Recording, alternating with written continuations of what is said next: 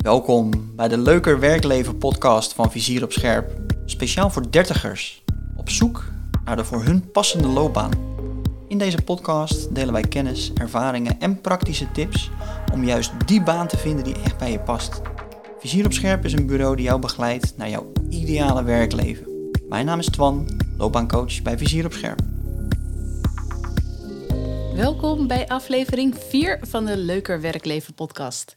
In deze aflevering vertelt Kira haar persoonlijke verhaal over hoe zij na een burn-out weer ja, een leuke baan vond. Ze vond zoveel dingen leuk. eh, ze was zo enthousiast over van alles dat ze eigenlijk niet kon kiezen.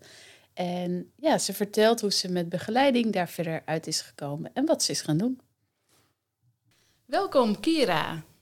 Hoi. Hi. Hey, zou je even voor willen stellen voor de luisteraar? Ja, nou, ik ben dus Kira, 33 jaar. Ik woon in Utrecht. Ehm, ja, hoe sta ik in het leven? nou, wel vrolijk en enthousiast. En eh, ik ben altijd in voor nieuwe dingen. Eh, dat is wel typerend hoe mensen mij kennen. Geen dag hetzelfde met Kira. dus eh, ja, zo mag ik mezelf wel omschrijven. Zijn er verder nog eh, hobby's, huisdieren, andere dingen? Ja, geen dag is hetzelfde, dus eh, elke dag is de hobby ook anders. Nee, ik hou van heel veel dingen. Eh, yoga is wel prominent aanwezig in mijn leven. Hardlopen, snowboarden en skiën. Maar ja, suppen vind ik ook fantastisch. Eh mountainbiken, paardrijden niet vergeten. Sinds kort rijd ik weer elke week paard. Ehm, ja, we kunnen nog wel even doorgaan. Ja, je Surfen. vindt dus heel veel dingen leuk. Ja, Nou, dat is goed om te weten. Dat is goed om te weten. Ben je, ben je alleen of ben je samen met iemand? ik ben alleen. Oké. En je woont dus in Utrecht. Ik woon in Utrecht. Ja. hey, en ehm, met welke vraag kwam jij bij Vizier op Scherp? Haha, oh. Welke vraag? Nou, het was weer in wat voor status was ik van mijn leven? ik was net teruggekomen uit Oostenrijk en ik eh, was een tijdje au pair ergens. En dat hield op en toen ben ik bij een strandtent gaan werken. En daar zag ik Twan. Of tenminste, Twan zag mij. Ik zag Twan. Hoe kan je het eh, omschrijven? Eh, en eh, die was met Aagje, mijn bazin, aan het praten. En het was eigenlijk zo van, ja, wat vind jij eigenlijk van je werk of zo? Want hij wilde daar een evenement gaan doen. Nou, ik keek hem aan en ik begon toch te huilen. Ik dacht echt, oh, wat voor vraag is me nu gesteld? Op wat voor moment van mijn leven? Want ik was al de hele tijd aan het balen van wat ik aan het doen was eigenlijk. Ehm, en toen zei hij, eh, nou ja, in ieder geval het evenement is daar gekomen. En we hadden een soort van klik eigenlijk en we zijn met elkaar in gesprek geraakt. En toen zei hij, kom dan eens een keer naar me toe. Dat hebben we gedaan. En eh, toen is het van mij gaan coachen. En daar zijn er wel echt dingen veranderd, stap voor stap. Het ging me nooit snel genoeg. En ik denk dat ik ook wel een heel ongeleid projectiel was, wat niet zo makkelijk te coachen was af en toe. Maar ja, uiteindelijk, zeg maar, als we nu kijken naar wat ik toen wilde en waar ik nu ben, ja, dan zijn, zijn we wel aardig. Dan ben ik wel aardig waar ik graag wilde zijn. Ja. En kun je eens schetsen waar je was eigenlijk op dat moment en waarom je niet tevreden was? Nou, eh, ehm, dat is iets, zeg maar, kijk, eh, ik heb eigen onderneming gehad. Mhm. Ehm, een jaar of vijf of zo. Ik was echt heel erg jong. Ik was 21 en toen ging ik ondernemen. En dat deed ik eerst met mijn zus samen. En dat werkte niet zo goed. Maar toen vloog ik ook al in mijn eentje vijf weken naar China. Ehm, eigenlijk altijd heel erg ondernemend en dingen gedaan. Als ik iets in mijn hoofd had... Kijk, ik zat vroeger op een middelbare school. Een kunstzinnige middelbare school. En daar kon ik heel veel creativiteit in kwijt. Toen ging ik naar sportopleiding. En toen miste ik dat heel erg. En toen had ik besloten, nou, als ik dan eh, nog wat ga doen. Eh, sorry, ik ben even de raad van het verhaal. Ja, ik zat dus zeg maar op die sportopleiding. En op de sportopleiding wist ik al van, nou ja, dit gaat het ook niet worden, want ik wil gewoon weer creatief zijn. Maar ik was eraan begonnen, dus ik had zoiets waar ik aan begin maak af. Dat heb ik gedaan. En toen ging ik ehm, naar België verhuizen, want ik had op dat moment een Belgisch vriend. Maar ik zei, ik ga alleen maar met je mee als ik een opleiding kan doen eh, in de mode daar. Want ik had namelijk bedacht dat ik ermee zou stoppen, die sportopleiding. En toen dacht ik, ja, maar waar ik aan begin maak ik af. Maar als ik dan, dan wil ik graag kleding ontwerpen. En dat wist ik eigenlijk toen ik 17, 18 was al. En daar ben ik eigenlijk naartoe gaan werken. En dat had ik dus eerst met mijn zus gedaan. En dat werkte niet zo goed. En daarna heb ik dat alleen gedaan. En ja, dat is zo ver gekomen dat ik dat uiteindelijk in 32 winkels verkocht. Ehm, ja, en dat ging eigenlijk heel erg ja, goed. Ja, ik had evenementen, eh, Shownews kwam zelfs filmen, dat soort dingen. Dus nog steeds vind ik het een grote grapper. En Kim Lian kwam evenementen presenteren. En het is net alsof je in een soort van droom leeft, maar het was er echt. En uiteindelijk, ja, ik werkte echt 100 uur in de week en toen kreeg ik een burn-out. En toen uiteindelijk ben ik naar Oostenrijk uh, verhuisd. Um, en dat was echt een soort van eye-opener voor mij. Wauw, dat je zoveel rust kon hebben. En mijn creativiteit was echt uh, op een gegeven moment gewoon echt weg. En ja, ik had een vriend waar ik mee samenwoonde. Daar woon ik ook niet meer mee samen. Net tenminste, toen ik in Oostenrijk was, dat al over. Maar ja, en toen ben ik ja, teruggekomen uiteindelijk. Want ik miste toch wel erg mijn vrienden in Oostenrijk. Het was echt, oh, het was zo zalig. Ik wist nog af en toe die bergen en gewoon de rust. En mensen staan niet altijd in versnelling 6. En weet je, zeker als je redelijk succesvol bent. Of ja, ik vond zelf geen succes, maar mensen zagen het als een succes. En ergens was het ook wel succes, want ik had het ook wel al gedaan. Ik, ben, ik bedoel, ik ben mijn eentje naar India gevlogen, daar dingen geregeld. Dus ik regelde het allemaal. En die kleding lag echt in de winkels, maar zeg maar financieel was het geen succes, laat ik het zo zeggen. Mm. En ja, ehm, als je dan eenmaal zeg maar dan in de natuur bent, dan denk je in één keer, wauw, wat een rust. En dan zie je dingen van jezelf die je nog nooit hebt gezien. En ja, uh, kan je weer eindelijk een boek lezen wat je al jaren niet meer hebt gedaan. Dat je denkt, wow. En ik vond mezelf ook gewoon echt weer een beetje terug. Want ja, als je zeg maar zoiets doet, dan vinden mensen ook van, van alles wat. En uh, ja, dat vond ik soms best wel lastig, denk ik. Dus dat in het buitenland, in Oostenrijk, dat was voor jou een herstelperiode van die burn-out? Ja, eigenlijk wel, ja. En toen ben ik teruggekomen en toen, ja, ik moest werken. dat moet. Ja. Om je te betalen.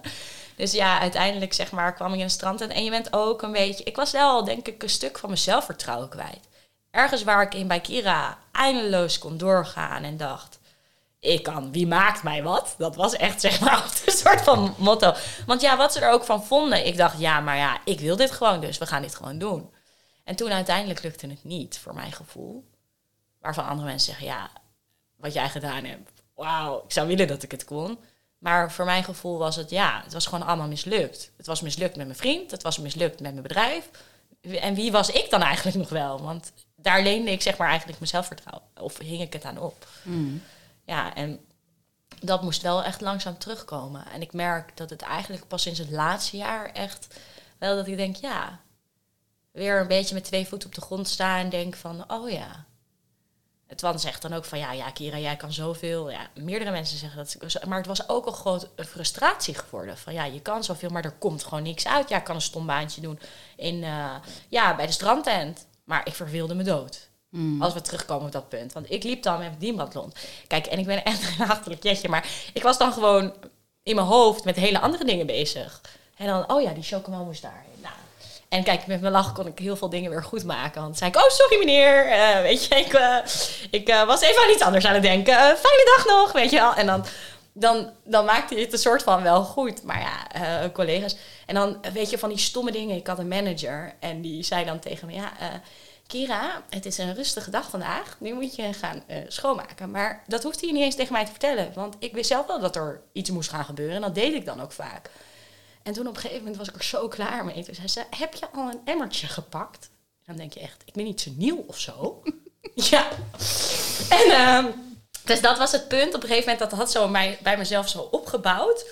En toen, dat is het punt waarop ik echt op een gegeven moment, nou ja, ik was wel in contact met Twan, maar dat is het punt waarop ik dacht, ik doe dit niet. Mm. Maakt me niet uit wat er gebeurt. Ik ben echt letterlijk.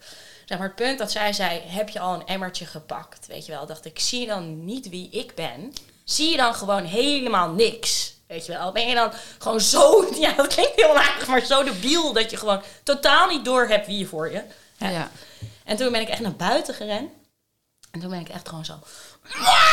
Letterlijk, hè? Geen grapje.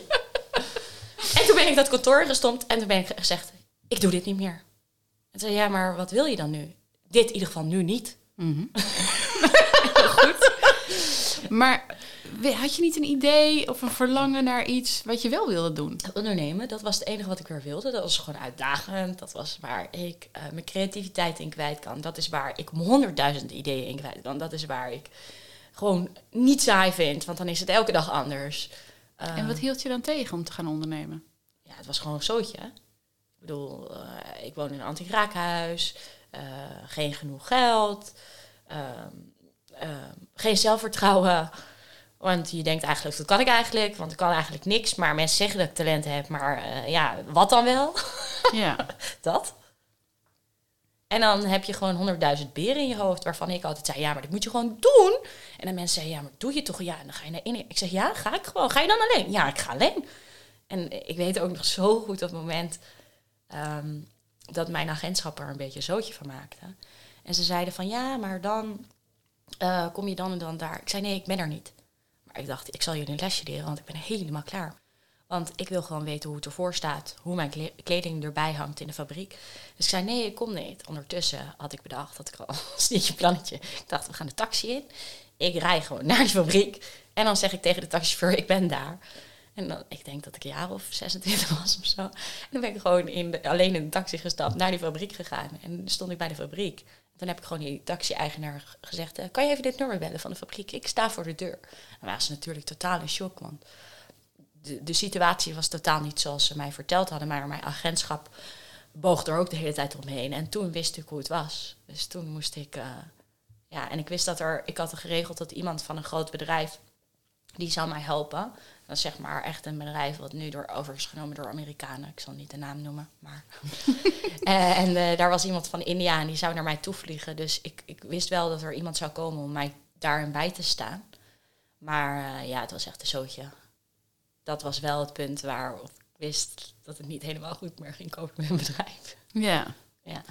Maar het was wel, ja, als je terugkijkt van ja, op dat moment deed ik dat soort dingen. Maar als dan alle, al het kaarthuis instort, dan daarna zeg maar, ben je, word je eigenlijk gewoon bang. Want Ja. omdat je denkt, wie maakt me wat, maar dat wie maakt me wat is weg. ja. Dus die ervaring van het vorige bedrijf, wat eigenlijk heel bekend werd, maar financieel niet succesvol werd en dus instortte, die ervaring weerhield je ervan om weer wat nieuws te starten. Ja, want ik dacht wel dat ik zeg maar dat dat dan iets was wat ik wel zou kunnen, zeg maar, te ondernemen. Maar dat ging ook niet. Ja, en het, ik denk dat het ook wel een heel groot deel, zeg maar, ehm, voor mij een soort van met mijn handicap omgaan. Kijk, weet je, ik Heb je een handicap? nou ja, ik noem het altijd mijn handicap. Zeg maar, de meeste mensen die ehm, gaan naar een of die studeren, die gaan een baan doen, of de meeste mensen, ja, gaan een baan doen. Ja, en ik was vrij jong en ik ging ondernemen. En ik deed alles op mijn eigen manier.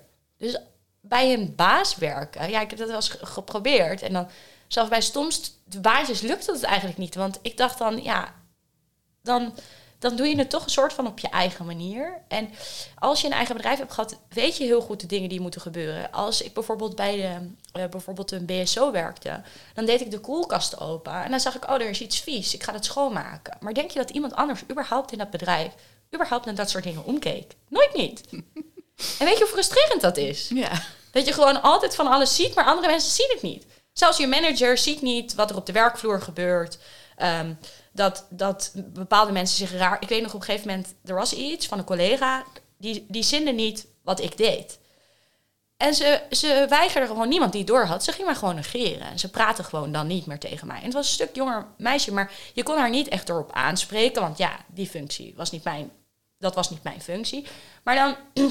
Totdat op een gegeven moment eh, iemand anders, mijn collega, zei... Die, ze kwam binnenlopen en toen zei ik hoi. En ze zei niks terug, maar wist niet dat daar nog een andere collega zat.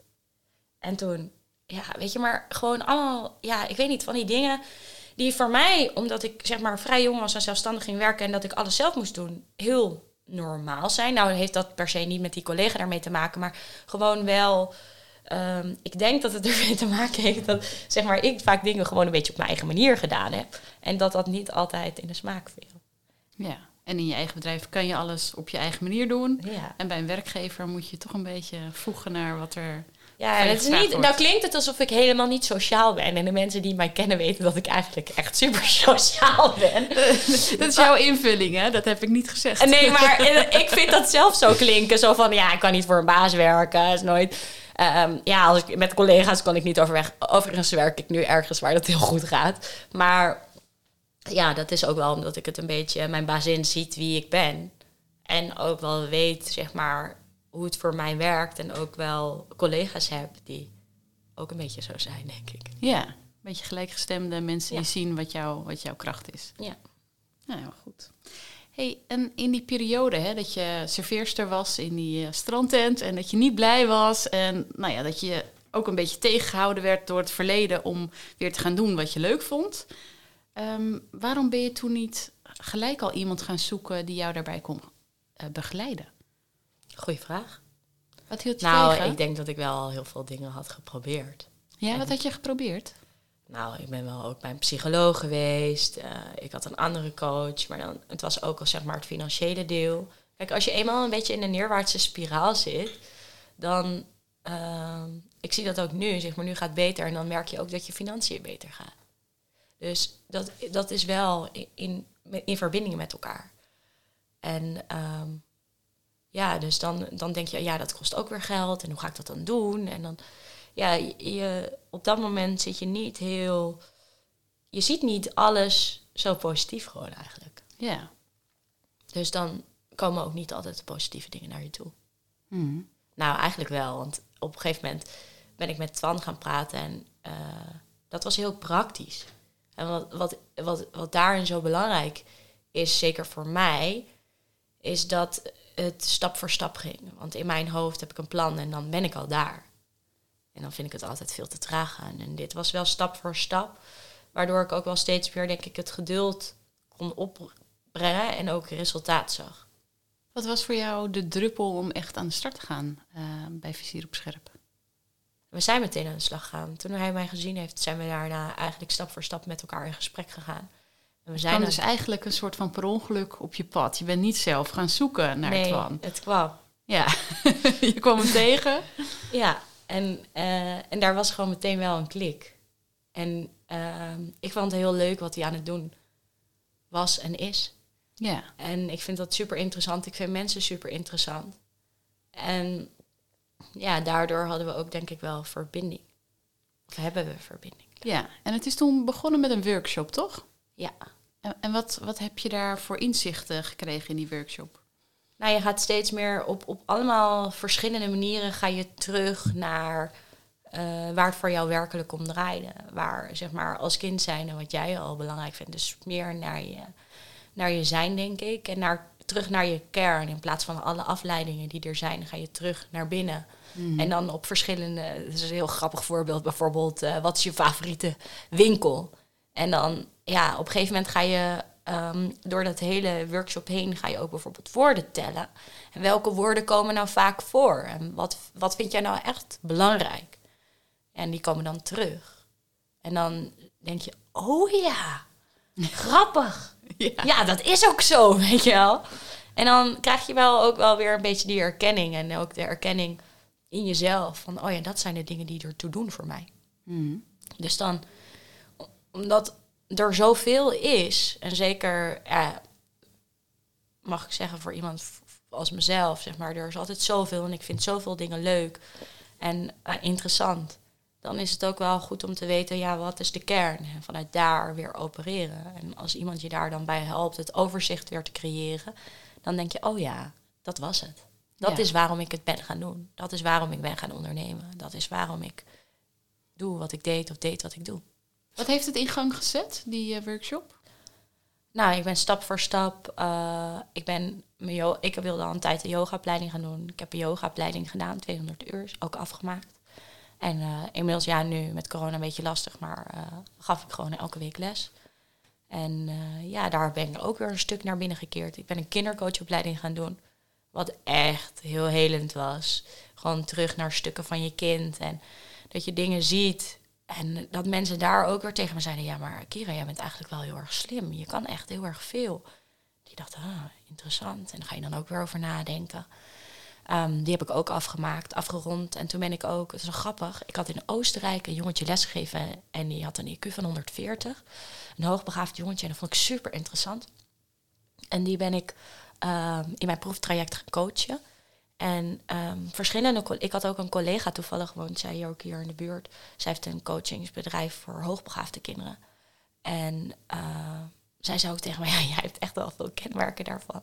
En nog steeds, ik heb het nog steeds niet getest, want de angst is te groot dat het niet zo is. Nee, grapje. Nee, maar dat het gewoon, weet je, ik heb voor mezelf erbij neergelegd. Ik merk gewoon op school dat ik heel veel aansluiting heb met die kinderen. Maar uh, wat doet het er eigenlijk toe wat voor label het is? Het maakt ook niet uit. En uh, uiteindelijk zeg maar, toen dacht ik, oh, ik wil meer met dat soort kinderen werken. En toen heb ik uh, opgezocht in Utrecht, oh, is daar een school die met hoogbegaafde kinderen werkt. En op vier minuten afstand, je gelooft het niet, zat een school, Happy Kids. En um, toen zag ik dat zij de Happy Methode had geschreven voor kinderen. En ik heb in één dag heb ik dat boek toen uitgelezen. En toen heb ik Sella gecontact van Happy Kids. En gezegd van, hey Sella, uh, ik denk dat we iets voor elkaar kunnen betekenen. En toen zei ze, wat, wat mooi. zullen we vrijdag afspreken bij Loft 88? En dat heb ik toen gedaan. En toen zei ze, ja, ze hoorde mijn verhaal aan. En zij herkende heel veel. En toen zei ze, Kira, ik denk dat ik niet nu meteen een baan voor je heb, maar wel een plek waar ik je thuis kan laten komen. Ja, ik vond het super confronterend. En het was ook, ik heb echt wel een paar keer een traan gelaten, maar ook uh, super verhelderend. Want die kinderen hadden honderdduizend ideeën. Uh, als je ze een opdracht geeft, echt bedenk ze de meest fantastische dingen. Maar je ziet ook de gecompliceerde kant, hoe ingewikkeld het was. En toen dacht ik, oh, ja, dit herken ik. En dat was zo'n eye-opener voor me. Zo leuk. En de grap was de eerste dag, want ik had dus de kindercoaching en yoga. En wij hebben het, uh, Twan en ik hebben het ook vaak gehad over uh, dat ik het zo belangrijk vind. Uh, de psyche, het menselijk brein. Hoe iemand gelukkig. Zeker nadat je zo'n dip hebt gezeten van. Ja, wat is het nou eigenlijk wat iemand gelukkig maakt? En ja, ik denk dat dat wij in de maatschappij over het algemeen de laatste tijd daar heel erg mee bezig zijn. Maar ook met name, hoe kan je een kind, nou zeker zo'n kind die dus zoveel talent eigenlijk heeft en zoveel dingen kan, daar al een stukje in begeleiden. En de eerste dag was ik op school en er stond er les in, het les in geluk op het programma. En die docent zei, ja, ik weet eigenlijk niet zo goed wat ik moet doen. Ik zei, ik wel. en uh, toen, uh, toen ben ik dus de les in geluk gaan geven. En uh, dat ging over het brein. Dat je het brein kan sturen. En uh, dat ging met de klankschaal, want uh, we gingen zo'n korte, korte meditatie doen in de klas. En ik had de klankschaal en je, en, en tik erop en je legt je hoofd neer. En je luistert alleen maar naar die klankschaal. En toen ging ik daarna vragen aan die kinderen, goh, waar heb je eigenlijk aan gedacht? Ja, aan die klankschaal. Ik zeg, zie je wel dat je gewoon aan één ding kan denken? Wauw. ja, eh, dit is een korte omschrijving van. En ik had ook een stukje over het brein uitgelegd, hoe dat dan werkt, dat je dat kan sturen. Maar wat deed het met jou dat je die les gaf? Oh, ik vond het fantastisch. Ja. Ja, echt heel leuk. Het was zo.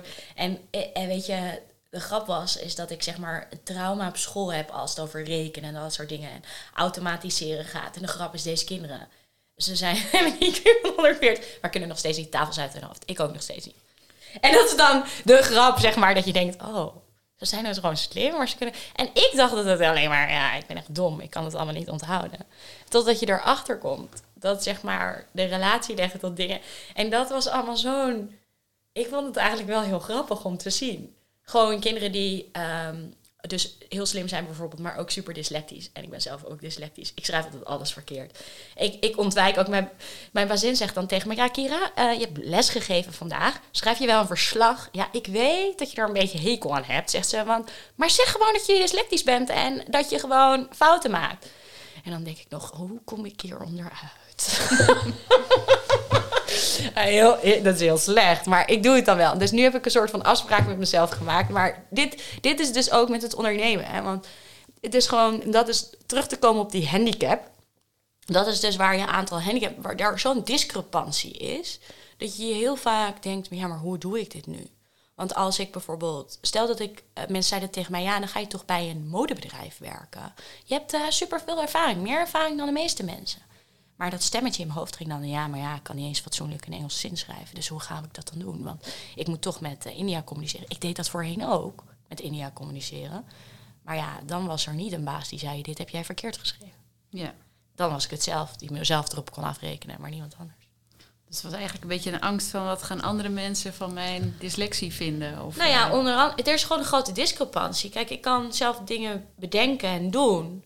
Maar daarentegen, zeg maar, heb ik ook een handicap. En dat zie ik soms bij die kinderen op school ook. Ze kunnen echt supergoed verbanden leggen. Um, maar daarentegen, zeg maar, schiet het ergens anders tekort. En dat is dus bijvoorbeeld dat ze niet makkelijk kunnen schrijven. Terwijl ze zijn echt niet op een achterhoofd gevallen.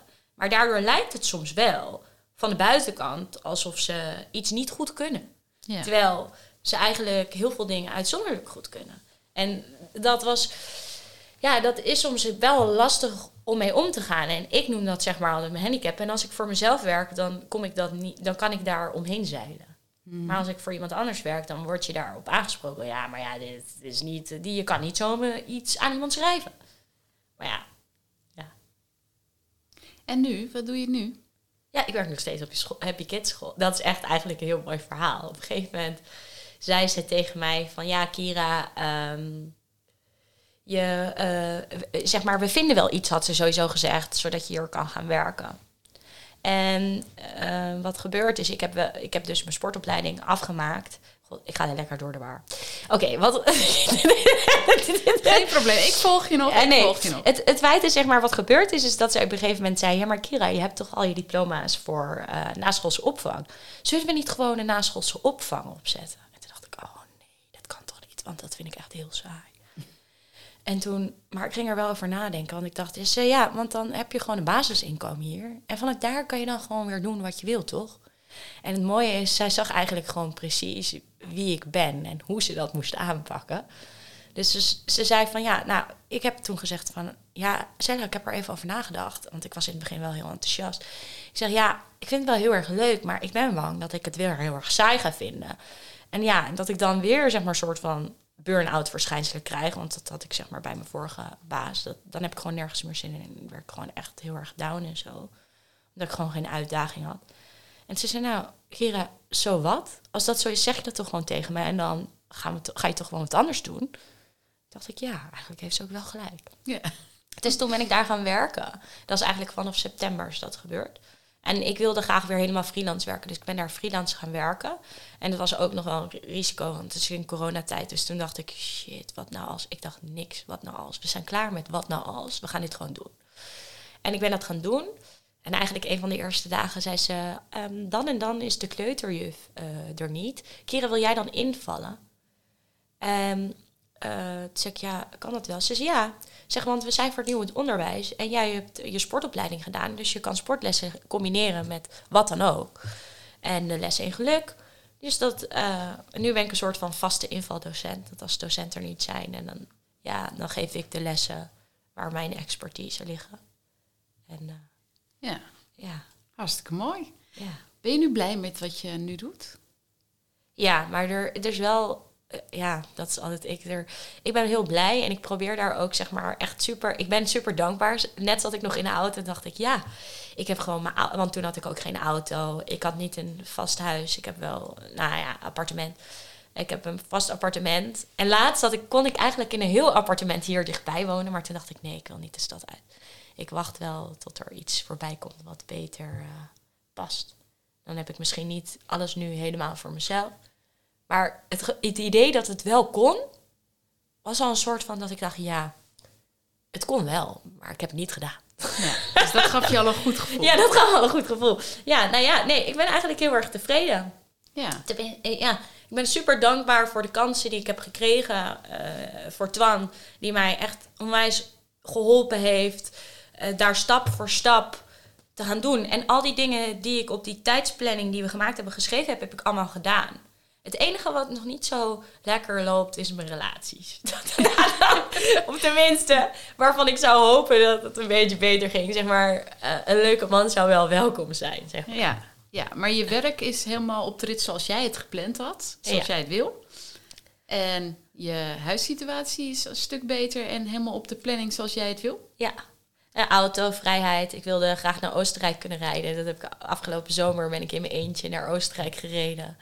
Dus als je terugkijkt op dat proces, vanaf nou ja, dat eerste moment dat je nog serveerster was en, en, en niet ongelukkig was, of dat je ongelukkig was, en het moment waar je nu bent, hoe voel je over dat proces?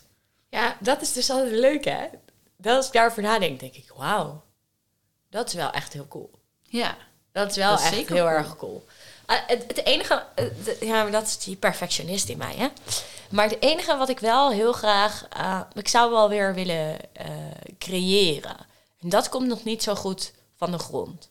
Dus ik zou daarin en dat is wel heel gaaf, want nu heb ik de rust. Ik heb gemerkt doordat ik altijd een brein heb, wat, wat dus bezig gehouden wil worden, dat ik ook heel erg trail seeking altijd, weet je wel. Die onderneming was natuurlijk trail seeking. Uh, raft guide, snowboarden, skiën, eigenlijk alle sporten, mountainbike. Alles wat ik uitkies was maar eigenlijk gewoon om het bezig te houden. En ik heb nu ontdekt dat eigenlijk ik een basis gecreëerd heb, wat heel veel rust heeft. En ja, en dan ga je dingen doen als leren gitaar spelen, een andere taal leren. Dus ik probeer het nu een beetje in andere dingen, maar ik zou dat toch wel weer willen ombuigen naar dat ik ja, iets ga creëren. Onderwijs, lesmateriaal, een boek schrijven, weet je ja. zoiets. Dus dat is een volgende stap voor jou. Ja. Hey, in, in dat proces wat je hebt gehad, hè, van dat punt waar je niet gelukkig was naar het punt waar je nu bent, waar je lekker aan het groeien bent en waar er nog ruimte is om nog verder te groeien.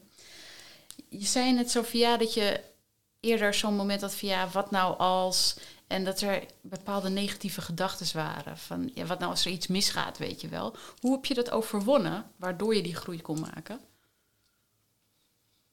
Hmm. Dat is een heel proces. Ik bedoel, dat begon, het zaadje was geplant bij uh, Twan. Ehm, Oostenrijk heeft daar sowieso, daar begon het al. Toen kwam ik natuurlijk uh, Twan tegen. In uh, Oostenrijk? Nee, niet in Oostenrijk. Ik kwam niet Twan tegen in Oostenrijk. Ja, dat lijkt niet zo, hè? Nee, ik kwam, ik kwam terug uit, vanuit Oostenrijk naar Nederland. Toen ging ik daar werken en toen kwam ik Twan tegen. Mm. En ja, daar zijn wij... daar, dat heeft wel ups en downs gehad. En uh, dan, zei, dan was ik weer radeloos en dan ging ik Twan opbellen. Twan, mij helpen met helikopterview van Kira. Zo is het, dit heb je al bereikt. Hier wilde je toch naartoe gaan. En dat ik dan ook alles weer even beter kon relativeren. Ja, dat ging stap voor stap. Ook met mijn yogaopleiding. Wow, ik heb wat tranen gelaten op de yogamat. En ook bij mijn kindercoachopleiding, weet je wel, dat je bepaalde dingen inziet en overziet. En dat je daar ook op lacht en dat je denkt, haha, grappig. Uh, ja. ja. Dus als er weer zo'n angst naar boven kwam bij jou van ja, wat nou als het niet lukt of niet goed gaat of, of nou ja, noem maar op. Dan hielp het jou om gewoon even van een afstandje naar je situatie te kijken en weer te denken van wat was mijn plan. Ja, en daarvoor heb je wel zeg maar iemand nodig als Twan die gewoon nuchter is. En dan gewoon even alles op een rijtje zet dit is zo slecht allemaal nog niet. Kijk maar wat je allemaal gedaan hebt. Dus ik denk, ja. oh ja, ja, ja, ja. Want je vergeet vaak in, in, in, in waarin je bezig, tenminste ik, als ik voor mezelf mag spreken, dat ik, dat ik ergens in zit en dat ik dan niet meer helemaal uitzoom. Dus daarom is zo'n gesprek als nu ook wel leuk, dat je denkt, oh ja, daar was ik begonnen en daar ben ik nu heen. En dan ben je eigenlijk ontzettend dankbaar voor wat er is en waar mensen je geholpen hebben. En ook jou zien. Want ik denk dat dat, dat is ook wel waar het in het leven om draait. Dat mensen jou zien voor wie jij bent. Mhm. En ook jouw talenten zien. En ook, ja, je zwaktes, maar dat maakt niet uit, want dat hoort er ook bij. Ja. Ja, super mooi hoe je dat omschrijft. Ja, en ik herken het ook wel hoor, dat als je emotioneel bent of als je niet lekker in je vel zit, dan is het heel moeilijk om uit dat gevoel te stappen en het grotere plaatje te zien dan is het zo makkelijk om in dat gevoel te blijven zitten, zeg maar zeggen. als ja. echt even, als iemand je daar even uithaalt en het even van, uh, van die helikopterview. Die helikopterview doet, dan, uh, dan is het allemaal wat helderder. En ja, en het ook wel weer ziet van de kansen die er zijn. Want ik ben iemand van nature die best wel eigenlijk heel positief is. Maar ik heb gewoon ook wel ja, ik heb inmiddels maar herkend dat het gewoon zo is. Ik ben gewoon soms ook wel met mijn bedrijf, was dat zo vrij en extreme.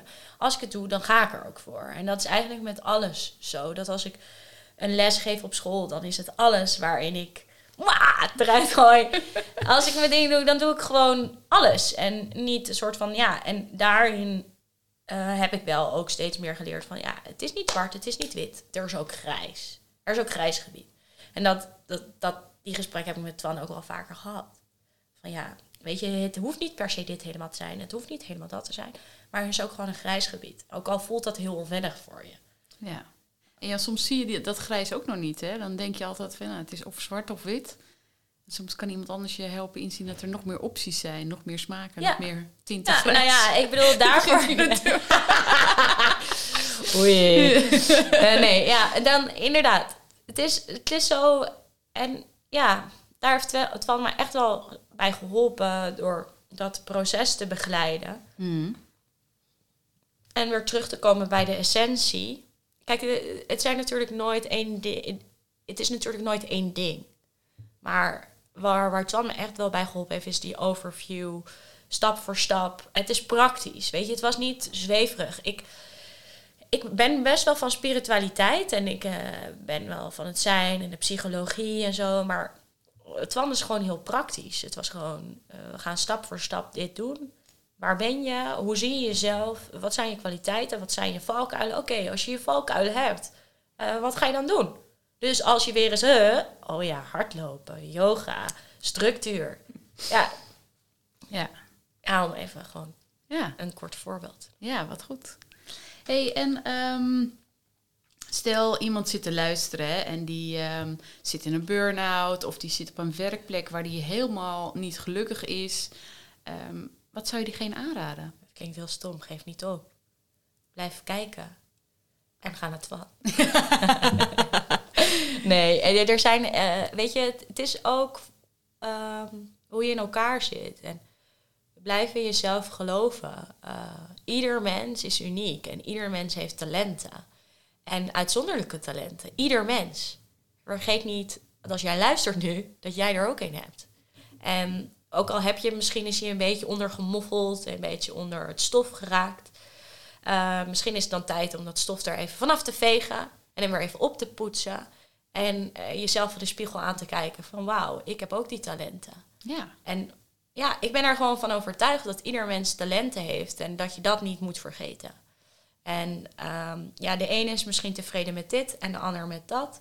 Ehm, maar dat neemt niet weg dat je talenten hebt en dat je er iets mee kan doen. En dat je stap voor stap, dat iedereen, waar een is, een weg. Kijk, ehm, dat is natuurlijk inderdaad, en dat is wel mooi, we hadden net gesprek over wat je doet. Eh, over zwangere vrouwen. Kijk, in dat opzicht geldt dat natuurlijk niet helemaal. eh eh, waar een wil is, is een weg. Maar in de meeste dingen geldt het wel. Waar een wil is, is een weg. En dan kan je stap voor stap echt bereiken wat je wil. En dan moet je naar de positieve dingen blijven kijken. En naar de zon. De zon komt elke dag op, hè? Weet je hoe mooi dat is? Ja. als je dat alleen al kan zien. Als je even echt, als je even echt de weg kwijt bent. Hè? Ik weet nog zo goed het moment waarop ik dacht van... Wauw, wat zijn we er allemaal aan het doen in het leven? En ik stond, ze gingen op mijn fiets. En ik zag dat de zon opkwam.